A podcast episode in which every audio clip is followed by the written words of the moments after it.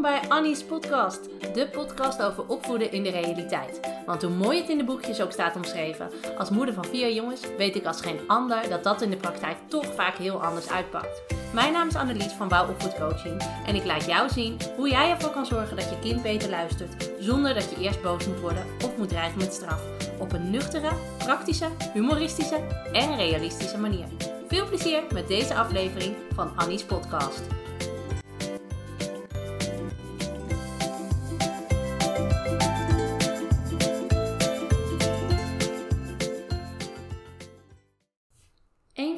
Grootste irritaties die ouders hebben, waaronder ik zelf, uh, ik heb zelf vier jongens, dus dan krijg je dat, is die eeuwige ruzies tussen je kinderen. En nou kan je een heleboel doen om die ruzies op te lossen, maar sommige dingen zijn echt wel lastig.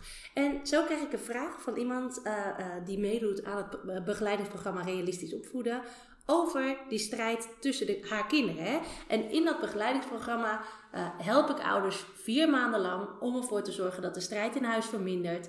En ze ervoor zorgen dat hun kind naar ze gaat luisteren zonder dat ze eerst boos moeten worden uh, of moeten dreigen met straf.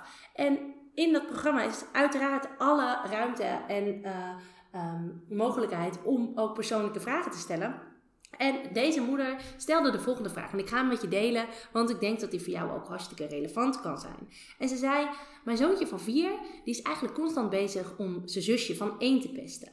Hij rent schreeuwend achter eraan, hij jaagt erop, hij pakt het speelgoed van haar af. Uh, ze mag niet aan zijn speelgoed komen, uh, et cetera, et cetera. En dat zusje de, zoekt hem de hele tijd op.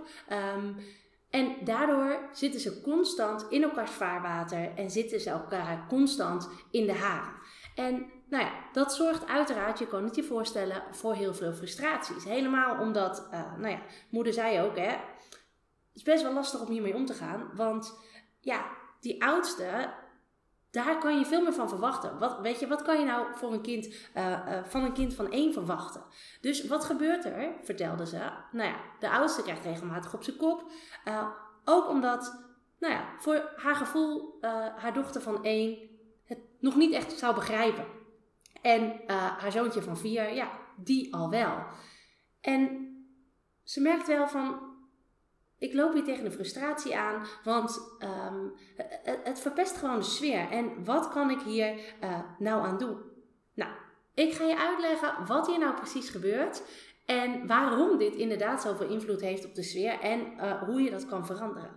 Want wat hier gebeurt, hè, daar had moeder helemaal gelijk in. Een kind van één is inderdaad te jong om uh, daadwerkelijk aan te kunnen spreken op zijn gedrag. Ik bedoel, je kan het wel proberen, maar een jong kind handelt zo vanuit impulsen. En een kind van één kan eigenlijk nog helemaal niet nadenken over zijn gedrag. Weet je, je zegt in minuut één uh, uh, uh, spreek je je kind aan, in minuut twee doet hij het gewoon weer. En dat is niet eens onwil, dat is niet om je te pesten, dat is gewoon omdat een kind puur vanuit ik, ik, ik denkt. Uh, en vanuit impulsen en emoties. Dus hè, je kan er honderd keer wat van zeggen. Dat levert je vooral heel veel frustratie op. Maar het gedrag veranderen, dat gebeurt niet. Nou, wat gebeurt er dan? En wat deed deze moeder ook, wat heel logisch was.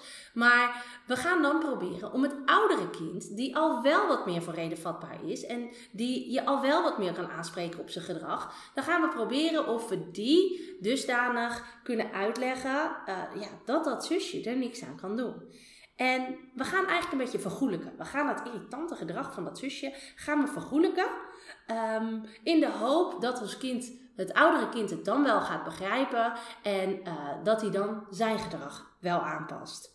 Maar wat gebeurt er in de praktijk? Kijk, stel hè, uh, uh, kind 1, het oudere kind in dit geval, is lekker Lego aan het bouwen. En kind 2, het zusje van 1, komt voorbij, tikt de Lego-toren om. En nou ja, kind 1, diep verdrietig, want de toren waar hij net een uur aan gebouwd heeft, is helemaal kapot. Nou, dat is niet leuk, dat snappen we. Maar wat doen wij dan als ouders? Dan gaan we zeggen: Ja, lieverd, ik snap dat het jammer is, maar ze kan er niks aan doen. Ze is echt nog maar klein, ze wil gewoon graag met jou spelen.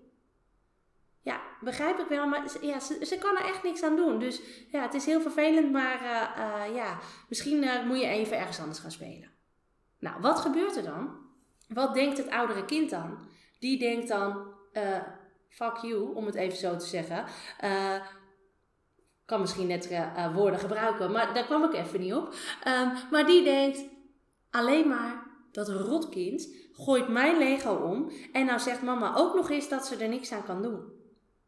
Kan je je voorstellen dat je kind dan alleen nog maar meer zal denken: ik haat mijn zusje en ik zal dat krijgen? Want wat gebeurt er vervolgens um, op het moment dat. Um, wat gebeurt er vervolgens? Is dat ze denken: Nou, als jij dat bij mij kan doen, dan doe ik het terug. En ik ben groter en ik ben sterker, dus we zullen eens even zien wie er wint. En zo krijg je zo'n onderlinge strijd tussen je kinderen, waarin ze elkaar constant gaan zitten uitdagen en zitten opjutten. Want juist door dat gedrag van het zusje goed te praten, alleen eigenlijk maar omdat we, uh, nou ja, we hebben daar de macht niet over. We hebben dat niet onder controle. We kunnen niet door middel van, van iets uh, ervoor zorgen dat dat zusje niet in de weg loopt. Dus wat gaan we dan proberen? We gaan het oudere kind voor reden vatbaar proberen te laten zijn. En uh, we gaan hopen dat hij het wel gaat begrijpen. Maar nogmaals dus, het enige wat je daarmee bereikt is dat het oudere kind alleen maar denkt: hij krijgt ook altijd zijn zin. Zij mag ook alles en ik mag niks. En uh, zie je wel dat ze haar liever vinden dan dat ze mij vinden. En zo versterkt die onderlinge strijd alleen maar meer. Nou, wat is er nou belangrijk? Als eerste, een kind van één kan je dus inderdaad niet uh, leren dat het niet mag. Hè? Ik bedoel, natuurlijk moet je het wel zeggen, maar verwachten dat daar ook daadwerkelijk iets in verandert. Uh, jammer, maar helaas, dat gaat niet gebeuren. Maar wat daarin heel belangrijk is, is dat je voor het oudere kind niet gaat rechtpraten wat krom is. Zijn Lego-bouwwerk is kapot en dat is niet leuk. Ook al kan zijn zusje er niks aan doen, dat maakt het niet opeens leuker. Dat maakt niet opeens dat hij het wel begrijpt. Hij is ook nog maar vier. En hij handelt ook vanuit eh, impulsen en vanuit emoties. Zijn uh, cognitieve brein is al wel iets verder dat hij voor reden vatbaar is. Maar zeker nog niet uh, dat hij zich inderdaad kan verplaatsen in dat zusje. Dus um, ik vergelijk het altijd met stel dat jij anderhalf uur bezig bent geweest om een verse lasagne te maken. Alle groenten zelf gesneden, lekkere beestje melsaus gemaakt. Niks pakje, niks zakje. Nee, je bent zelf lekker bezig geweest. Vervolgens ga jij even naar de wc. En als je terugkomt, is je lasagne zo in de prullenbak gekieperd. Ja, kon niks aan doen. Dan denk je toch ook, mm, ik draai je nek om. Kijk, in ons geval, dat gaat niet gebeuren natuurlijk. Maar zo is het natuurlijk wel voor je kind. Hij is heel lang bezig geweest en is trots op wat hij gemaakt heeft. En vervolgens komt dat zusje, roust dit omver. En jij bent anderhalf uur, uh, uh, weet je, jouw levenswerk, in, in kinderen ogen is dat hun levenswerk, is gewoon vernietigd. En dan is er ook nog iemand die zegt, ja, maar ik kon er niks aan doen, want hij is nog maar klein. Nou, daar krijg jij echt geen begrip van hoor. Daar krijg jij moordneigingen van.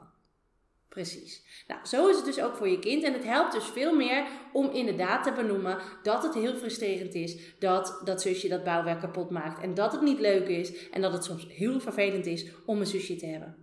En je zal merken dat als je meer aandacht gaat hebben dat voor uh, het stuk dat het inderdaad niet leuk is dat dit gebeurd is. En dat je niet gaat goed praten. En dat je niet gaat benoemen dat ze pas één is en er eigenlijk niks aan kan doen. Dan zal je merken dat uh, uh, er meer begrip voor je kind ontstaat. En dan zal je merken dat hij misschien zelfs wel gaat zeggen: Nou ja, ze is nog maar klein, ze kan er ook eigenlijk niks aan doen. Dus juist door aandacht te hebben voor dat negatieve gevoel, zal je merken dat er zelfs ruimte kan ontstaan voor positieve gevoelens. En je haalt eigenlijk de scherpe randjes ervan af en je haalt de angel eruit. En het leuke was, mijn deelnemster aan realistisch opvoeden met wie ik deze vraag behandeld heb, die stuurde me een dag nadat ik dit met haar gedeeld had, zei ze: Ik kan je nu al vertellen dat er hele andere, uh, hele andere situaties ontstaan door de simpele tip om begrip te tonen voor de oudste. En hij stond helemaal te glunderen toen ik de rollen omdraaide. En toen ik zei: uh, Nou, vervelend hè, zo'n klein zusje. Zullen we kijken of we haar kunnen leren om te vragen of zij met je speelgoed mag spelen? En dat vond hij zo'n goed idee en toen mocht ze opeens wel spelen met zijn speelgoed. En zo zie je dat zo'n kleine verandering echt al een heel verschil kan maken. En dat het echt belangrijk is om achter het gedrag te kijken. En niet alleen maar naar hij zit zijn zusje te jennen, hij loopt er constant uit te dagen, hij pakt speelgoed van haar af. Daar zit dus een reden achter. En als je alleen maar met dat gedrag aan de slag gaat, Uh, door bijvoorbeeld je kind naar boven te sturen omdat hij speelgoed afpakt. Of door hem steeds op de kop te geven omdat hij zijn zusje plaagt. Door alleen maar daarmee aan de slag te gaan, verhelp je het probleem niet. Je bent dan eigenlijk alleen maar met uh, uh, de symptomen aan de slag. Ik zeg wel eens, het gedrag wat we zien, dat is het topje van de ijsberg. En dat is het negatieve gedrag van kinderen wat naar boven komt drijven. Hè? Dat is dat zusje. Dat is uh, dat, um, nou ja, achter de aanrennen, vervelend doen, etc. Maar waar komt dat gedrag vandaan? Want net zoals dat bij een ijsberg, je alleen maar het topje van de ijsberg, dat je die ziet, maar er nog een heel stuk onder die ijsberg zit. Zo zit er ook bij gedrag van kinderen nog een heel stuk onder wat je niet ziet. En dat is hetgeen wat er eigenlijk intern bij je kind gebeurt. En dat is de irritatie, de frustratie die die heeft. Maar dat is wel hetgeen waardoor dat gedrag naar boven komt drijven. En ik zou je zeggen, als uh, uh, deze klant alleen maar aan de slag gegaan was met dat gedrag van haar zoontje en niet met die oorzaak, joh, dan had ze hier nog tig jaar tegenaan blijven lopen.